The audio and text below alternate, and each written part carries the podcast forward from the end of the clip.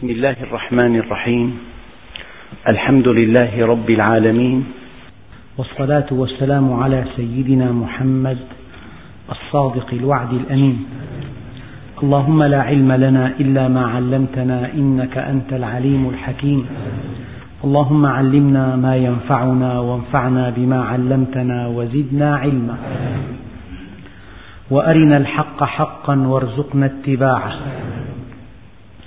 وأرنا الباطل باطلا وارزقنا اجتنابه. واجعلنا ممن يستمعون القول فيتبعون أحسنه وأدخلنا برحمتك في عبادك الصالحين.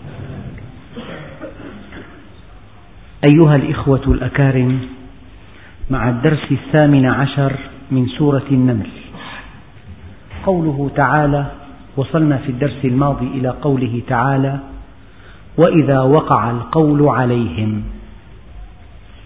أخرجنا لهم دابة من الأرض تكلمهم أن الناس كانوا بآياتنا لا يوقنون. في الآية الكريمة كما يقول بعضهم مركز ثقل مركز ثقل. هذا المركز هو أن يقع القول عليهم.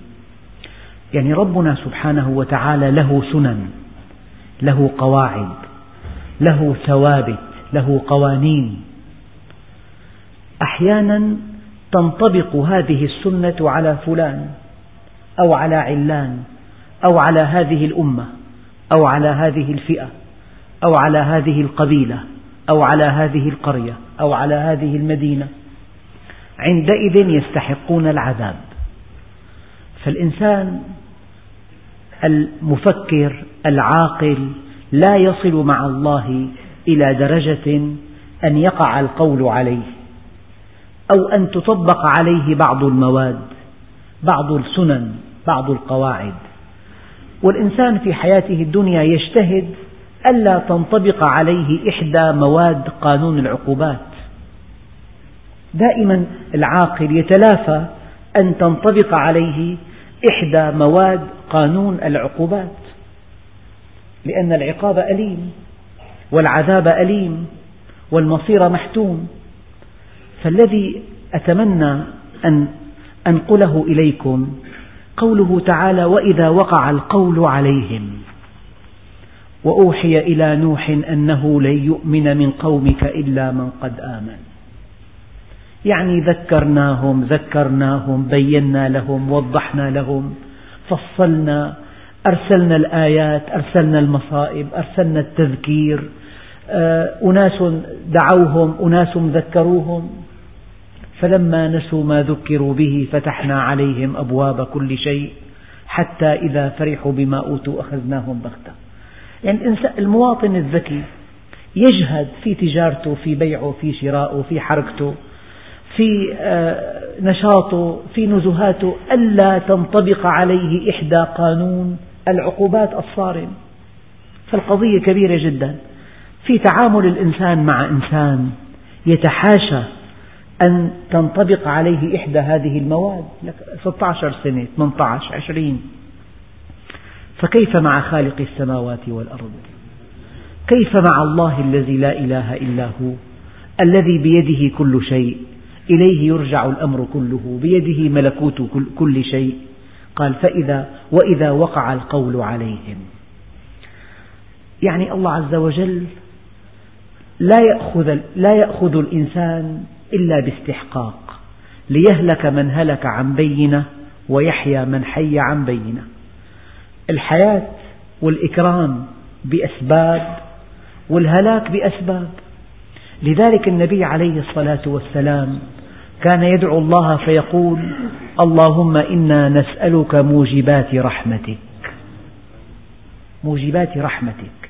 ماذا قال عليه الصلاة والسلام لبعض أصحابه قال أعني على نفسك بكثرة السجود.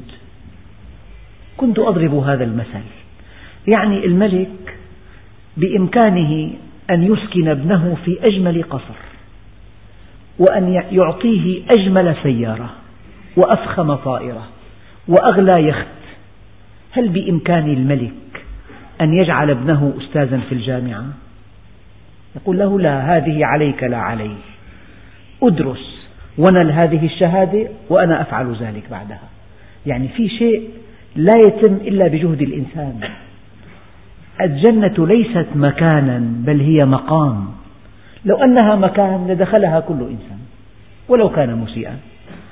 لو أن النعيم في الجنة نعيم مادي بحت طعام وشراب ليس غير لدخلها كل إنسان. ولكن الجنة مقام. يعني أنت بإمكانك أن تدخل إلى الجامعة. إذا كان إنسان لا يقرأ ولا يكتب الباب مفتوح. والممرات سالكة وقاعة المحاضرات مفتوحة ولك أن تجلس في أول مقعد. لكن هذا المقعد صف رابع رياضيات صف رابع حقوق صف رابع آداب يعني أو ماجستير أو دكتوراه هذا المقعد واحد دارس سنوات طويلة جدا حتى استحق أن يجلس في هذا المكان حتى يفهم على هذا المدرس حتى يتفاعل معه حتى يستفيد من علمه. فقاعة المحاضرات مثلا ليست مكانا ولكنها مقام. لمن نال الثانوية وصف أول وصف ثاني وصف ثالث وصف رابع. الآن إذا جلس في المكان وجاء الأستاذ وملأ ملأ السبورة سين وعين وجيم وتجيب بيفهم عليه. بيستمتع بالعكس. بيستغرق. أما جيب إنسان لا يقرأ ولا يكتب ضعه في أول صف. فهذا المقعد في هذه في هذه القاعة في قاعة المحاضرات مكان أم مقام؟ لا مقام. والجنة مقام. لو أنها مكان لدخلها كل إنسان. فلذلك النبي الكريم قال لأصحابه أعني على نفسك بكثرة السجود. هناك جزء لا يستطيع أحد أن يفعله عنك. هو أن تتعرف إلى الله عز وجل هو أن تصلي هو أن تصوم. لذلك بعض العوام يقول لك سقوط صلاة. من جاء بهذا؟ عال كان الإنسان يهمل الصلاة عند موته تدفع عنه. صدقة لسقوط الصلاة وسقوط الصيام وسقوط الحج وانتهى الأمر. وأن ليس للإنسان إلا ما سعى. هذه الآية اعتمد عليها الإمام الشافعي وجعلها أصلا في أنه لا يفعل أحد عن أحد شيئا. فلذلك وإذا وقع القول عليهم يعني دائما العاقل لا يوصل نفسه مع الله إلى طريق مسدود. لا يوصل نفسه مع الله إلى أن تنطبق عليه إحدى, القو... إحدى السنن. الإنسان بالدنيا بحياته الدنيوية أحيانا يقع بمخالفة ينص عليها القانون بيستنجد بأقرب الناس له بيكون الإنسان له مكانة كبرى لا هذه لا أستطيعها. أنت كتب ضبط والمادة صريحة والقانون ثابت وما في مجال إطلاقا. أقرب الناس له بيتخلى عنه وأقوى الناس بيتخلى عنه. قضية صريحة لأن أنت ارتكبت مخالفة تنطبق عليها هذه المادة والمادة صريحة والضبط واضح وصعب سحب الضبط هذا في تعاملك مع بني البشر هكذا. فكيف مع الله عز وجل؟ يعني الذي أتمناه عليكم أن الإنسان يجب أن يدرس هذا القرآن ويجب أن يدرس السنن الإلهية القواعد القطعية الثابتة في تعامل الله مع عباده وليجهد ألا يصل مع الله إلى أن تنطبق عليه إحدى هذه المواد. فإذا انطبقت يعني مثلا وهذا المثل أضربه كثيرا إنسان قتل أحيل لقاضي التحقيق الجريمة ثابتة أحيل لمحكمة الجنايات المحكمة حكمت عليه بالقتل بالإعدام. القرار رفع إلى محكمة النقض. محكمة النقض درست القرار وجدت الأدلة صحيحة والحكم صحيح فصدقت. ورئيس الجمهورية صدق. وعين موعد لتنفيذ حكم الإعدام. فهذا الذي أوصل نفسه إلى أن تنطبق عليه إحدى مواد قانون العقوبات. قبل تنفيذ الحكم يعني إن شاء أن يضحك وإن شاء أن يبكي وأن يدعو وأن لا يدعو وأن يترجى وأن لا يترجى كله, كله سواء. لا بد من تنفيذ هذا الحكم. يعني أوصل نفسه إلى طريق مسدود. فربنا عز وجل يقول وإذا وقع القول عليهم. يعني قولي الثابت سنتي الثابتة القاعدة المطلقة انطبقت عليهم. وأوحي إلى نوح أنه لن يؤمن من قومك إلا من قد آمن. انتهى. وإذا أردنا أن نهلك قرية أمرنا متر فيها ففسقوا فيها فحق عليها القول فدمرناها تدميرا. هذا الذي أتمناه أن يكون في علمكم وإذا وقع القول عليهم. ما هو القول؟ آخر الآية ينعطف على أولها فيفسرها. قال أخرجنا لهم دابة من الأرض تكلمهم أن الناس كانوا بآياتنا لا يوقنون. متى وقع القول عليهم؟ حينما لم يؤمنوا بآياتنا وحينما لم يوقنوا بآياتنا وحينما استقروا على أن لا يؤمنوا. الإنسان أحيانا قد لا يؤمن لكن في نيته أن يؤمن. قد لا يؤمن وهو متحفظ قد لا يؤمن وهو في تردد لكن أحيانا يأخذ قرارا. قال لي شخص قال لي يعني ذهبت إلى البادية لأشتري بضاعة صوف ولم أكن يعني كنت جاهلا حتى في قواعد الدين فتلاعبت بالميزان هكذا قال لي. هذا الأعرابي يعني شعر أن هناك فارق كبير بين الوزن الذي ذكره له وبين حقيقة هذه الكمية. فنبهه وحذره. قال لي بعد أن غادرت المكان نشأ صراع في نفسي. ماذا لماذا فعلت هذا؟ أعود إليه. أوضح له حقيقة الأمر. أستسمحه أم أمضي في سبيلي؟ ماذا أفعل؟ قال لي بقيت في صراع دقيق وعميق. من مكان بيع هذه البضاعة إلى قرية قرب دوما قال لي في هذا المكان قلت باللغة الدارجة حط الخرج. قال لي ما أن قلت هذه الكلمة؟ وإذا أنا أجد نفسي في الطريق وسط بركة من الدماء. صار في حادث والبضاعة تبعثرت وهو وقع, وقع جريحا أنا أدركت من هذه القصة. أن الإنسان ما دام في أخذ ورد ما دام متحفظ ما دام في تردد الله عز وجل يعطيه مهلة. أما إذا أخذ قرارا أما إذا استقر على شيء لا يرضي الله عز وجل أما إذا ركب رأسه أما إذا قال وماذا, وماذا سيكون ليكن ما يكون قال هذا وقع القول عليهم انتهى. فأن الناس كانوا بآياتنا لا يوقنون. أية آية هذه؟ أجمع المفسرون على أنها ليست آيات القرآن الكريم. مطلق الآيات. الشمس آية القمر آية ابنك آية الزوجة آية كأس الماء آية كأس الحليب آية البيضة آية قطعة اللحم آية الأزهار آية الأشجار آية الثمار آية كل شيء حولك آية ينطق بكلمة التوحيد. فلذلك لما الإنسان يتجاهل هذه الآيات ويعمى عنها أو لا يعبأ بها أو يسخر منها ويستقر على هذه الحالة ويقول وليكن ما يكن أنا أعرف هذه الدنيا وما سوى الدنيا خيال في خيال. هؤلاء الماديون هكذا أفكارهم. عش بيقول لك عش لحظتك. عش في اللحظة التي أنت فيها. اكسب المال من دون أن تدقق. حرام حلال. آه، الكلمة الشائعة كلمة إبليس حلال على الشاطر. هذه كلمة إبليس. حلال إذا كان الشيء حلالا فقط. فلذلك الإنسان تكلمهم هذه الدابة أخرجناها لهم من الأرض تكلمهم أن الناس كانوا بآياتنا لا يوقنون. لماذا خلق الله هذا الكون؟ بهذا بهذه العظمة بهذا الإعجاز. لماذا سخره لنا؟ يعني أتحب أن تعرف كيف خلقت؟ انظر إلى خلق ابنك. أتحب أن تعرف كيف يبدأ الله الخلق؟ انظر إلى دورة النبات. بذرة.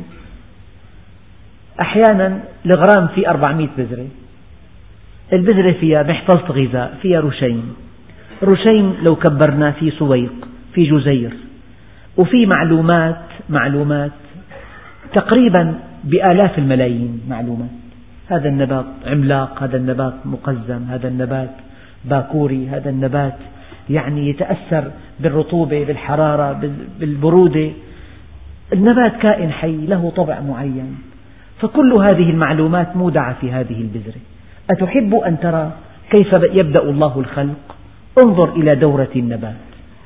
بذرة تصبح تنمو هذا ينمو هذا الرشيم يأخذ غذاءه من هذه المحفظة إلى أن يملك جزيرا صغيرا مع أشعار ماصة إلى أن يستطيع أن يأخذ حاجته من التربة. عندئذ يستغني عن هذه المحفظة وتكون قد انتهت أساسا. ينمو يتبع الضوء والحرارة ثم يورق ثم يزهر ثم يثمر ثم يصبح هشيما تذروه الرياح. هذه دورة النبات. إيه، كل شيء حولك آية. هذا الإنسان الجاهل الذي الذي يمر على هذه الآيات دون أن يعقلها دون أن يقف عندها. إنسان ضيع عمره سدى. إذا قوله تعالى وإذا وقع القول عليهم أخرجنا لهم دابة من الأرض. تكلمهم أن الناس كانوا بآياتنا. في عنا آيات خارقة للعادات وفي آيات من ضمن قوانين الكون. فنزول المطر آية لكن الأمطار ليست, ليست خرقا للعادات. هبوب الرياح آية البحر آية الجبال آية الينابيع آية الأنهار آية الماء العذب الفرات آية الملح الأجاج آية. هذه آيات وفق مقتضى القوانين والسنن.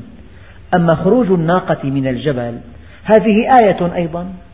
ناقة الله لكم آية ولكن هذه الآية أساسها خرق للعادات.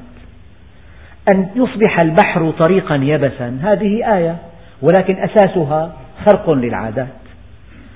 أن يكون السيد المسيح من دون أب هذه آية ولكن أساسها أنها خرق للعادات.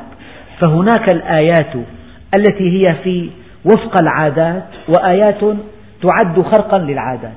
إذا كذب الإنسان بالآيات المألوفة وربما كان الكون بحالته الراهنة بحالته التي هي وفق السنن أبلغ في الموعظة وفي الاستنباط مما لو كان في حالة أخرى. لذلك قال عليه الصلاة والسلام حسبكم الكون معجزة. حسبكم الكون معجزة. قال إذا, إذا الناس هذه الآيات الصارخة الدالة على عظمة الله ما عبأوا بها وما فكروا فيها وتجاهلوها وعدوها شيئا من عاداتهم. هلأ يأتي الليل ويأتي النهار تشرق الشمس تغيب الشمس. يأتي الصيف يأتي الربيع الخريف الشتاء. آه، تظهر هذه النباتات في الربيع. الشجار الأشجار المثمرة آه، تعطي هذه الثمار اليانعة نشتريها ونأكلها. شيء طبيعي مألوف. نشرب هذا الماء العذب كأنه شيء مألوف جدا. من هذا الماء كان ملحا أجاجا كيف أصبح عذبا فراتا هذا الذي يشرب الماء ويأكل ويتنزه ويستمتع بالطبيعة ويقول لك اليوم ليلة قمر وهذا أيام زهر. الاستمتاع بالطبيعة من دون التأمل بالذي أوجدها بالذي أبدعها بالذي خلقها بالذي كونها. بهذا الإله العظيم هذا هو الجهل بعينه. فإذا بلغ الإنسان هذا المستوى إنهم كالأنعام ربنا عز وجل قال بل هم أضلوا سبيلا. مثل الذين حملوا التوراة ثم لم يحملوها كمثل الحمار يحمل أسفارا كأنهم خشب مسندة كأنهم حمر مستنفرة. الله عز وجل يقول آه، خلقت لك السماوات والأرض ولم أعي بخلقهن أفيعيني رغيف أسوقه لك كل حين؟ لي عليك فريضة ولك علي رزق. فإذا خالفتني في فريضتي لم أخالفك في رزقك. وعزتي وجلالي إن لم ترض بما قسمته لك فلأسلطن عليك الدنيا.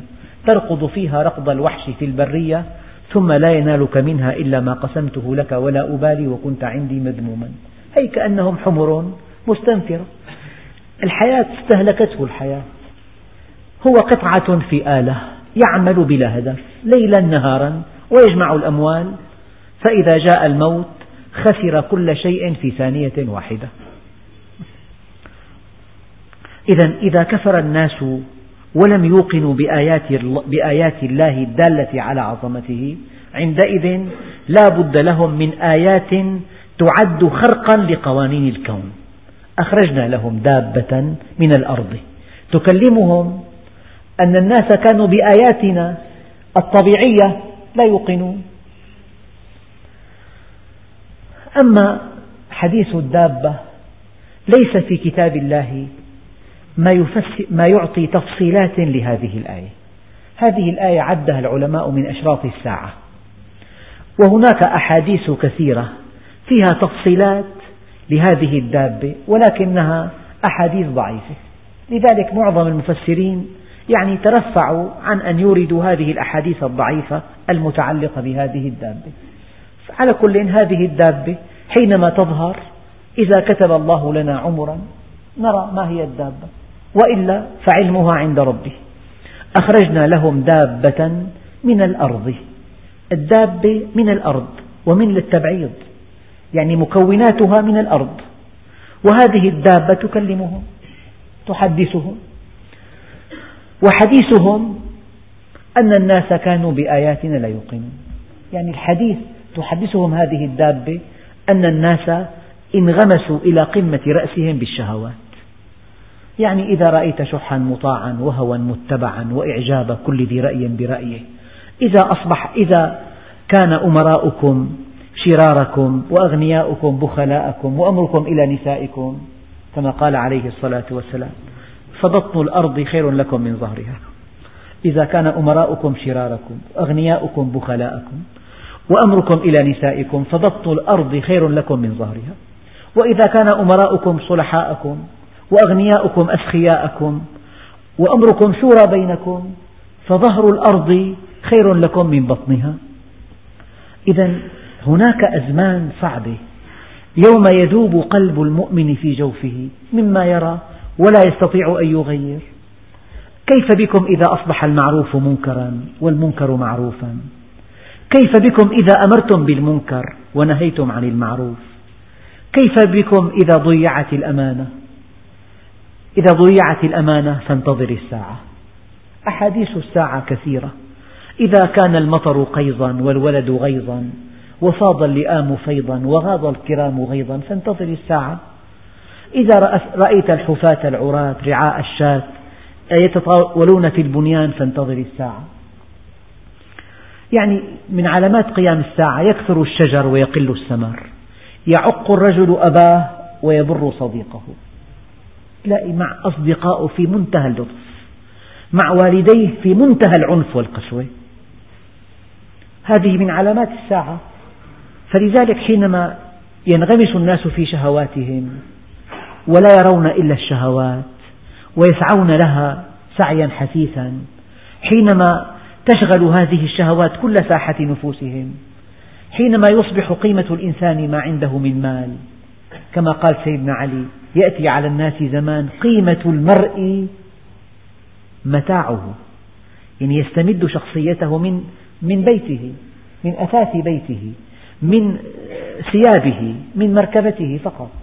قيمته الاجتماعية فيما يملك لا فيما يعمل من الصالحات لا فيما يعلم فيما يملك.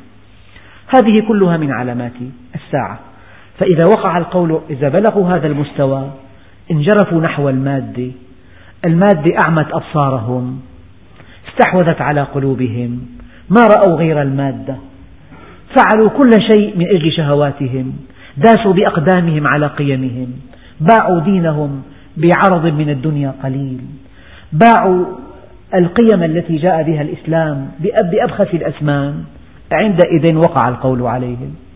وعندئذ أخرجنا لهم دابة من الأرض تكلمهم أن الناس كانوا بآياتنا لا يوقنون. نعم. ويوم نحشر من كل أمة فوجا. الفوج الجماعة. ممن يكذب بآياتنا فهم يوزعون. يعني في حاجز. يوقفون ويسألون لماذا كذبتم؟ لذلك الله عز وجل يقول آه، يقول الله عز وجل في حق هؤلاء حينما يخاطب ربهم والله ربنا ما كنا بك مشركين. يقول الله عز وجل انظر كيف كذبوا على أنفسهم. فطرتك السليمة تقتضي أن تؤمن. فإذا لم تؤمن فأنت قد خالفت الفطرة. أنت تكلفت ما لا تطيق. ويوم نحشر من كل أمة فوجا يبدو أن هؤلاء المكذبين هؤلاء العتاة هؤلاء المضللين هؤلاء الذين أرادوا أن يطفئوا نور الله بأفواههم هؤلاء الذين تزعموا حملة ضد الدين هؤلاء ويوم نحشر من كل أمة فوجا ممن يكذب بآياتنا فهم يوزعون. يوقفون ليسألوا. حتى إذا جاءوا قال أكذبتم بآياتي ولم تحيطوا بها علما. يعني أنا لا أدري كيف أمثل هذا المثل أيعقل أن يأتيك كتاب أو أن تأتيك رسالة؟ مختومة. قبل أن تفتحها قبل أن تقرأها قبل أن تعرف من المرسل قبل أن تعرف فحوى هذه الرسالة. وهي مغلقة وهي مختومة. لا تعرف لا فحواها ولا مرسلها. تقول هذه كذب. هذا الموقف منطقي. أيفعله عاقل على وجه الأرض؟ هذا الكتاب القرآن الكريم خطاب الله لهذا الإنسان. قبل أن تقرأه قبل أن تفهمه قبل أن تعقله قبل أن تسأل عنه أهل الذكر قبل أن تفهم تأويله قبل أن ترى مراد الله منه. قبل أن تقف عند أحكامه عند وعده عند وعيده عند بشائره عند إنذاراته عند آياته عند أخباره عند جنته عند ناره قبل أن تقرأ كل شيء. تقول هذا أساطير الأولين. هذه مغيبات. هذه غيبي. هذا ما وراء الطبيعة. أريد الواقع. أريد الشيء الملموس. أريد أن أحيا بكل جوارحي بكل حاجاتي بكل شهواتي. هذا كلام الناس. هذه مغيبات. دعك منها. يعني الذي أتألم منه أن كثيرا من الناس قبل أن يستوعبوا الدين قبل أن يفهموا هذا الكلام العظيم قبل أن يقفوا عند سنة سيد المرسلين يكذبون بهذا الدين أو يتعلقون بالخلافيات. يعني أشياء صغيرة جدا لا تقدم ولا تؤخر. ليست عقبات في طريق الإيمان يتعلقون بها وينفخون فيها ويكبرونها وينقسمون ويتحزبون ويتناقشون ويتصارعون ويتهم بعضهم بعضا بالكفر من أجل أشياء في القشور في الأشياء الفرعية جدا قبل أن تدخل في هذه الخلافيات في هذه الجزئيات في هذه الفرعيات. افهم لب الدين. اعكف على هذا القرآن. تعلم آياته. افهم مراد الله منه. تعلم سنة النبي. ادرس العقيدة الصحيحة. هذا العمل مقدم على البحث في الخلافيات. يعني كثيرا ما ترى. مسلم. ما قولك بهذا الموضوع؟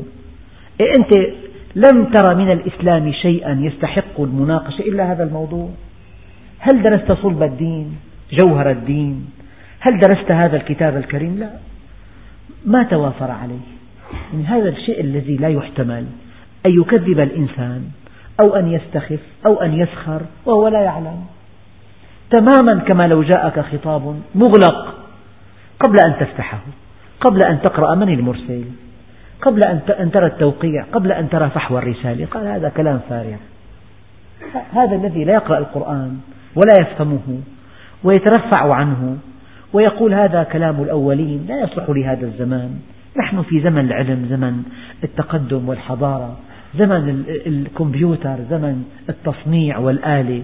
هذا كلام للصحراء. هكذا يقول بعض المسلمين المتفرنجين المستغربين. طبعا. هؤلاء يوم القيامة يقال لهم أكذبتم بآياتي ولم تحيطوا بها علما. لماذا كذبتم؟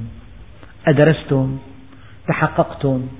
تأملتم دققتم بحثتم رأيتم الأدلة أكذبتم بآياتي ولم تحيطوا بها علما. أم ماذا كنتم تعملون؟ ما العمل الذي كان عندكم مفضلا على هذا العمل؟ يعني إذا كان طالب أرسلناه للدراسة بدولة أجنبية وعدناه بمنصب رفيع جدا وبدخل خيالي فلما سألناه ماذا كنت تعمل؟ قال لك والله ما لي فاضي أدرس. لماذا؟ كان أنت فارغ لماذا؟ ما هو العمل الذي فضلته على الدراسة؟ وأنت مبعوث الدراسة يعني هي أم ماذا كنتم تعملون؟ كلمة دقيقة جدا. أم ماذا كنتم تعملون؟ اسأل نفسك السؤال. أنا ماذا أعمل في الدنيا؟ يعني قد تعمل عملا لا طائل منه لا فائدة منه. أنا في الدنيا ماذا أعمل؟ ماذا قدمت لله عز وجل؟ ماذا أعددت للقاء الله عز وجل؟ وعلمتك صنعة ورزقت منها رزقا وفيرا. ماذا فعلت؟ هذه الليالي الطويلة في الشتاء بماذا أمضيتها؟ في لعب الطاولة؟ بماذا؟ في متابعة المسلسلات؟ ماذا فعلت في هذه السهرات الطويلة؟ ماذا فعلت في هذه الأيام الطويلة؟ ماذا فعلت في الصيف؟ ماذا فعلت في الشتاء؟ ماذا فعلت في الربيع؟ ماذا فعلت في الخريف؟ ماذا فعلت بزوجتك لماذا لم توجهها إلى الله عز وجل؟ لماذا تركتها وشأنها هكذا؟ تفعل ما تشاء. وتفتن الناس في الطريق. ابنتك لماذا لم تمنعها من هذا العمل؟ أتحب أن تقف الابنة يوم القيامة تقول يا ربي لا أدخل النار حتى أدخل أبي قبلي. يعني ماذا كنتم تعملون؟ ماذا تفعل؟ تعلمت الطب لماذا تعلمت الطب؟ أخدمت به المسلمين نصحتهم. تعلمت, تعلمت المحاماة أدافعت عن المظلوم فيهم. كنت موظفا خدمت الناس. كنت بائعا نصحتهم في بضاعتهم. كنت عالما بذلت علمك أم, أم كتمته؟ ماذا فعلت؟ هذا سؤال دقيق. ماذا فعلت في حق الله عز وجل؟ من أعطيت لله؟ من منعت لله؟ سؤال. هذا أخطر سؤال. قال يا رسول الله علمني من غرائب العلم. هيك كم نفة يكونوا حلوين. قضية طرف في ناس بدهم درس ممتع. في يكون هيك طرف. والله روقنا بهذا الدرس مثلا. هو الدين ليس طرفا. الدين حقائق تبكي. أفمن هذا الحديث تعجبون؟ وتضحكون ولا تبكون؟ تضحكون ولا تبكون؟ الدين في حقائق خطيرة جدا. مصيرك في الدين. فلذلك الله عز وجل هذا الأعرابي قال يا رسول علمني من غرائب العلم. هيك شيء كم نثرة نستلى فيهم فقال عليه الصلاة والسلام وقد عرف أنه إنسان تافه. قال فماذا صنعت في أصل العلم؟ قال وما أصل العلم؟ قال هل عرفت الرب؟ أعرفت الآمر؟ أعرفت الخالق؟ أعرفت الموجد؟ أعرفت المسير؟ أعرفت المكون؟ أعرفت المنظم؟ أعرفت هذا الرب الرحيم؟ عرفت حكمته؟ عرفت علمه؟ عرفت قدرته؟ عرفت عدالته؟ قال فماذا صنعت في أصل العلم؟ قال وما أصل العلم؟ قال هل عرفت الرب؟ قال ما شاء الله ماشي الحال يعني. قال فماذا صنعت في حقه؟ ماذا فعلت؟ أم ماذا كنتم تعملون؟ أم ماذا كنتم تعملون؟ والله هذه الآية تكفينا. ماذا كنت تعمل في الدنيا؟ أنشأت بيتا فخما زينته بأحدث زينة. هذه مهمتك؟ آه، يعني تاجرت تجارة رابحة حصلت منها الملايين هكذا أنا بعثتك إلى الدنيا لهذا الهدف فقط أن تجمع المال. أن تعيش فقيرا لتموت غنيا. أم ماذا كنتم تعملون؟ قال هل عرفت الموت؟ قال ما شاء الله. قال فماذا أعددت له؟ سؤالين يا أخوان. إذا قلت لي عرفت الله أقول لك ماذا صنعت في حقه؟ يعني ماذا أعطيت؟ ماذا بذلت من أجله؟ ماذا أعطيت؟ ماذا منعت؟ من صادقت؟ من عاديت؟ من وصلت؟ من قطعت؟ في أي مكان حضرت؟ هل حضرت مجالس العلم؟ هل تعلمت كتاب الله؟ هل كنت وقافا عند حدود الله؟ وإذا قلت لي عرفت الموت أقول لك ماذا ماذا أعددت للموت؟ لا بد من عمل عظيم تعده لهذه الساعة. يا رب لقد فعلت كذا وكذا من أجلك. لذلك وجوه يومئذ ناظرة إلى ربها ناظرة ناظرة إلى ربها ناظرة. تنظر إلى الله عنه وجوه متألقة. ووجوه يومئذ مسودة. عليها غبرة. ترهقهم نعم قترة. أولئك هم الكفرة الفجرة. وقع القول عليهم بما ظلموا. استحقوا العقاب. صدر حكم قطعي. هذا حكم الله عز وجل لا يقبل المراجعة ولا الاستئناف ولا النقد في آية تؤكد ذلك والله يحكم لا معقب لحكمه. أما قاضي الاستئناف يحكم يقول لك باسم الشعب السوري قررنا ما يلي بيجي من حكم عليه بهذا الحكم يرفع استدعى لمحكمة النقض ينقض هذا الحكم. لكن والله يحكم لا معقب لحكمه. حكم الله قطعي. نعم. ووقع القول عليهم بما ظلموا فهم لا ينطقون. أحيانا سكوت المتهم أبلغ من كلامه. يسكت. ووقع القول عليهم بما ظلموا فهم لا ينطقون. الآن بقى جاء, جاء السبب. لماذا كنتم عن آياتي غافلين؟ ألم يروا أنا جعلنا الليل ليسكنوا فيه والنهار مبصرا؟ هذا الليل وجعلنا الليل سكنا. وجعلنا النهار معاشا. النهار معاش والليل سكن. آية الليل والنهار. من جعل هذه الأرض تدور حول نفسها؟ من خلق الشمس؟ لو ألقيت الأرض في الشمس لتبخرت في ثانية واحدة. ثانية واحدة.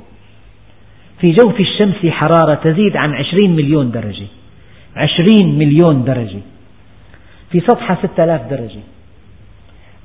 طول ألسنة اللهب مليون كيلومتر. قال عمر هذه الشمس منذ خمسة آلاف مليون عام. خمسة آلاف مليون عام. ويحتمل أن تستمر في هذا الوهج والحرارة إلى خمسين مليون عام قادمة لا تخبو هذا الوقود لا ينفد هذه الطاقة لا تنتهي. من يمدها باستمرار؟ شمس أرض تدور حول نفسها ليل ونهار. لو دارت هكذا لم تكن حياة. إنه هون دوران مستوى الدوران مع مستوى دورته حول الشمس. يبقى الليل دائم والنهار دائم. بالنهار 350 درجة بالليل 250 تحت الصفر. ما في حياة. لو أنها هكذا تدور بمحور عمودي مع مستوى الدوران ما في فصول أربعة ما في نباتات. من جعل هذا المحور مائل صار في أشعة عمودية هنا هنا مائلة هون صيف هون شتاء. انعكست الآية هون شتاء هون صيف. من جعل هذه الفصول تتبدل؟ والليل والنهار. هذه آيات الله عز وجل. أولم يروا؟ ألم يروا أنا جعلنا الليل ليسكنوا فيه والنهار مبصرا؟ الليل سكن الأعصاب ترتاح. من, خ... من نظم آلية النوم أساسا؟ تلاقي سيارة حقها 3 ملايين 4 ملايين شاحنة قالبة نايم صاحبها. نوم سلطان. تتباعد الخلايا العصبية فالسيالة تنقطع نام الإنسان. فإذا كان نام عم يقود سيارة روح السيارة كلها روح حاله معها من جعل هذا النوم ترتاح أعصابك به؟ من جعل هذا النهار ادخل إلى غابة الليل؟ ترتعد فرائصك خوفا. في النهار شيء مؤنس. النهار مؤنس. الليل مخيف. في ظلام. في مجهول. وراء كل أكمة تخاف في النهار ترتاح. من النبي الكريم يقول يا سبحان الله أين الليل إذا جاء النهار؟ تكون خايف. في طريق موحش. الشمس أشرقت دخل الأنس إلى قلبك. هذه آية من آيات الله عز وجل. ألم يروا أنا جعلنا الليل ليسكنوا فيه والنهار مبصرا؟ إن في ذلك لآيات لقوم يؤمنون. هذه آيات. آيات دالة على عظمة الله عز وجل. ويوم ينفخ في الصور. ويوم ينفخ في الصور ففزع من في السماوات ومن في الأرض. إلا من شاء الله. لا بد من أن تفزع. إما أن تفزع في الدنيا فربنا سبحانه وتعالى يوم القيامة يستثنيك من الفزع الأكبر. وإما أن تطمئن في الدنيا ولا بد من أن يفزع هذا الذي اطمأن في الدنيا اطمئنانا آه، اطمئنانا ساذجا أو اطمئنانا أبلها. الذي يطمئن في الدنيا اطمئنانا ساذجا أو أبلها لا بد من أن يفزع يوم القيامة. ويوم ينفخ في الصور. هناك نفختان. نفخة تصعق النفوس ونفخة تحيي الموتى. نفختان. يوم القيامة نفختان للصور. نفخة تصعق ونفخة تحيي. ويوم ينفخ في الصور ففزع من في السماوات ومن في الأرض. هؤلاء الذين حكم عليهم بالإعدام. لمجرد أن يوضع المفتاح في قفل الباب عندهم. ليقدم لهم الطعام. ينخلع قلبهم. ينخلع. يظن أنهم قد جاءوا ليعدموه. تلاقي أعصابه انهارت. هم جاءوا ليطعموه لا يعدموه. هذا حال أهل, أهل النار. ويوم ينفخ في الصور ففزع من في السماوات ومن في الأرض إلا من شاء الله. هؤلاء الذين عرفوه في الرخاء عرفوه وهم شباب عرفوه وهم في حالة من اليسر عرفوهم في أوج قوتهم عرفوه في الدنيا خافوا منه والناس نيام. أطاعوه والناس في المعصية. صلوا في الليل والناس مع من يحبون.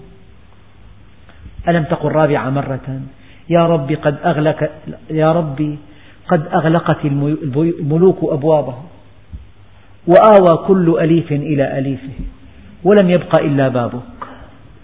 يعني الناس ينامون ويسمرون ويتحدثون ويأكلون ويشربون ويتنزهون والمؤمن قلق. يخشى ألا يكون الله عنه راضيا. لا يطمئن المؤمن إلا برضاء الله عز وجل. هذا القلق المقدس المستمر هذا الذي يسمح لك يوم الفزع الأكبر أن تكون مطمئنا. لذلك إذا أمنني عبدي في الدنيا أخفته يوم أجمع عبادي.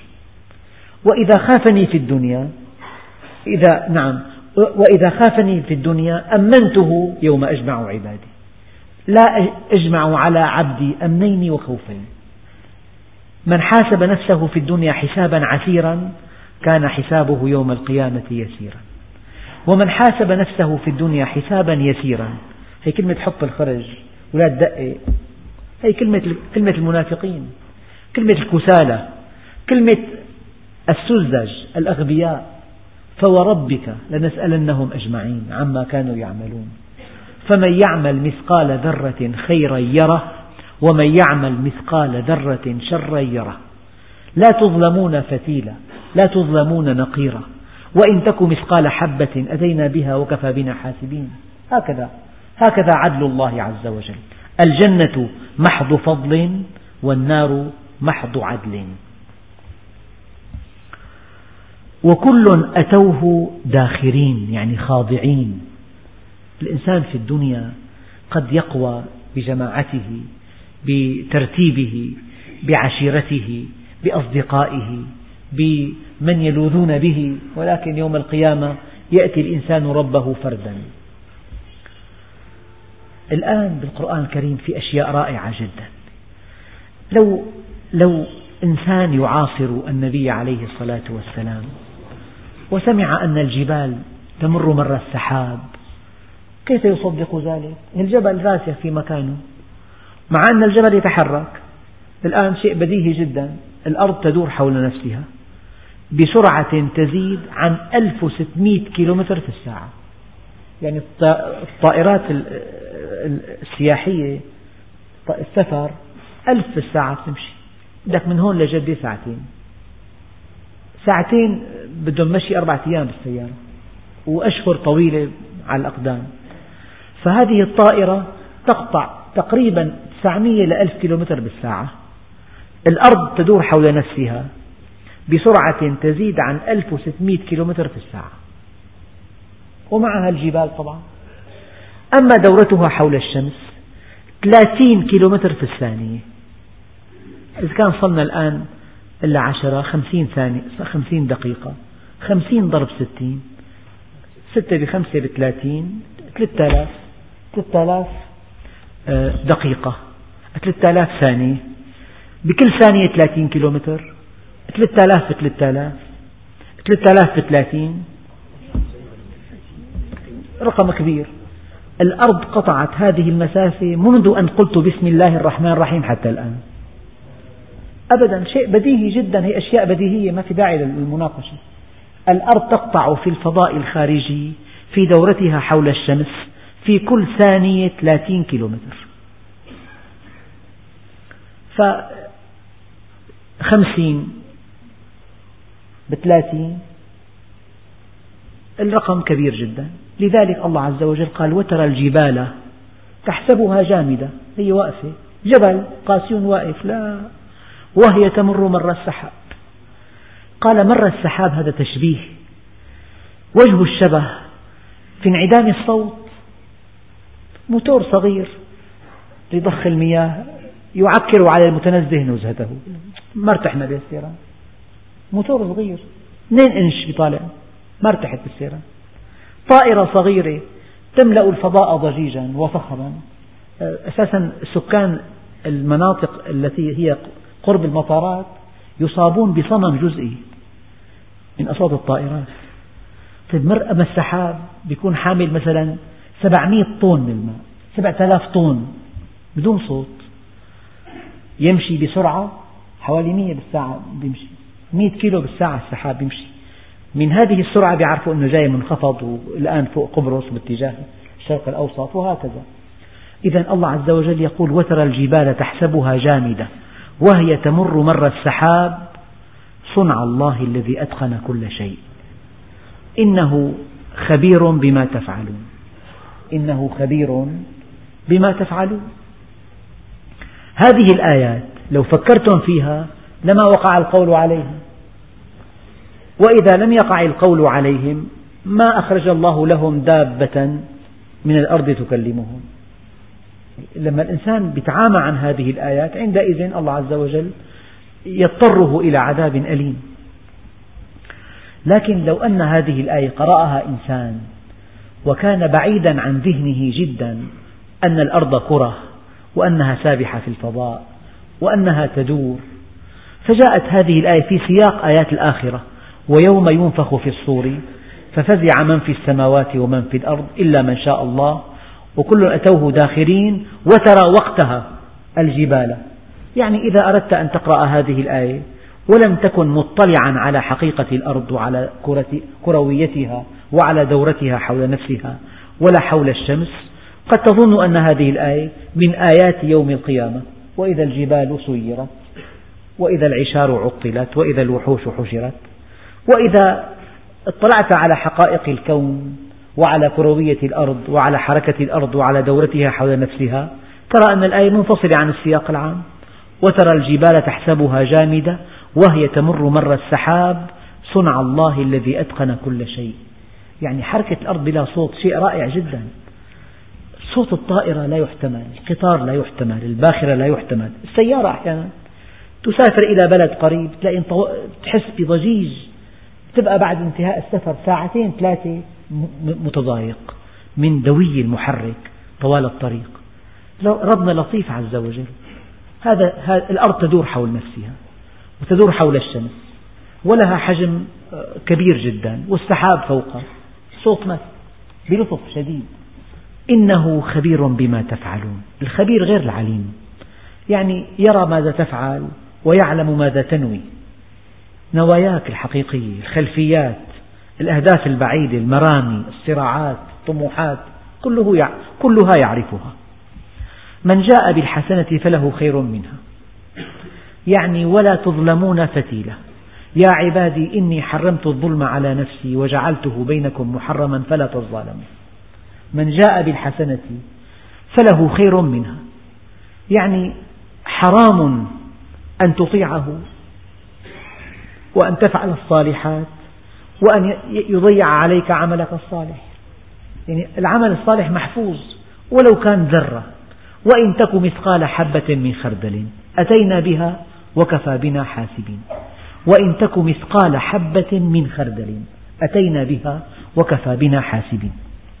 مع أنه يوم القيامة يأتيك خير منها وهم من فزع يوم يومئذ آمنون. ما في خوف.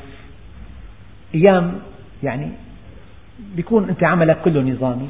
تجي قوة مشان ضبط المخالفات والأصحاب المحلات ترتعد فرائصهم خوفا. أنت مطمئن.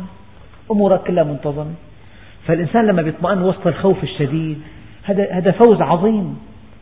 وهم من فزع يومئذ آمنون. ومن جاء بالسيئة فكبت وجوههم في النار. يعني يلقون في النار على وجوههم. هل تجزون إلا ما كنتم تعملون؟ هذه أعمالكم. ادفعوا ثمنها. هذه أعمالكم. تلقوا حسابها. كل شيء له ثمن. نعم. إنما أمرت أن أعبد رب هذه البلدة. طبعا هي مكة. والله سبحانه وتعالى زاد هذه البلدة مكة المكرمة تشريفا وتعظيما حينما نسبها إلى ذاته. قال رب هذه البلدة التي حرمها بلد آمن بلد حرام فليعبدوا رب هذا البيت الذي أطعمهم من جوع وآمنهم من خوف. لذلك الحرم المكي يتميز عن بقية البلدان في العالم أن الإنسان إذا أراد فيه سوءا يحاسب على إرادته لا على فعله. في أي مكان في العالم تحاسب على فعلك. أما في الحرم المكي ومن يرد فيه بإلحاد بظلم من يرد فقط نذقه من عذاب أليم. فالله عز وجل جعل هذه البلدة محرمة. قل إنما, إنما أمرت أن أعبد رب هذه البلدة التي حرمها. إيه، لكن لئلا تظن أن الله رب هذه البلدة فقط وما سواها ليس له. قال وله كل شيء. له هذه البلدة وله بلدتك التي أنت فيها. وأينما ذهبت في العالم كل البلاد له. الإنسان قد يتوهم أن هذه البلدة بس رب هذه البلدة. لا. إنما أمرت أن أعبد رب هذه البلدة التي حرمها وله كل شيء وكل مكان في الأرض له. وأمرت أن أكون من المسلمين المستسلمين لأمر الله عز وجل الخاضعين له. لذلك العبادة غاية الخضوع مع غاية الشوق مع غاية الحب مع غاية الإخلاص. وأن أتلو القرآن. أمرت أن أعبد رب هذه البلدة وأن أتلو القرآن. أفرده الله بأمر خاص عناية به وأن أتلو القرآن. لكن هون في سياق أن أتلو القرآن على الناس. الدليل فمن اهتدى بتلاوته. يعني في فرق بين أن تتلوه لنفسك وبين أن تتلوه على الناس. هنا الآية أن تتلوه على الناس. القرينة فمن اهتدى بهذه التلاوة فإنما يهتدي لنفسه. ومن ضل فقل إنما أنا من المنذرين. النبي عليه الصلاة والسلام لا يحاسب عن الذين كفروا. إنما هو منذر إنما هو مبلغ. ليس عليك هداهم. وإنك لا تهدي من أحببت. ليس عليك هداهم. وإنك لا تهدي من أحببت. وأن أتلو القرآن فمن اهتدى فإنما يهتدي لنفسه ومن ضل فقل إنما أنا من المنذرين. يعني أنا تنتهي مهمتي حينما أنذركم. فذكر إنما أنت مذكر لست عليهم بمسيطر. إلا من تولى وكفر فيعذبه الله العذاب الأكبر. إن إلينا إيابهم ثم إن علينا حسابهم. وقل الحمد لله على خلقه. وعلى إمداده وعلى هدايته وعلى كل هذه الآيات وكل هذه السنن سيريكم آياته فتعرفونها. يعني إما أن تعلم في الوقت المناسب أو لا بد من أن تعلم بعد فوات الأوان. وما ربك بغافل عما تعملون. أعمالنا كلها في صحيفة عند الله عز وجل والحمد لله رب العالمين.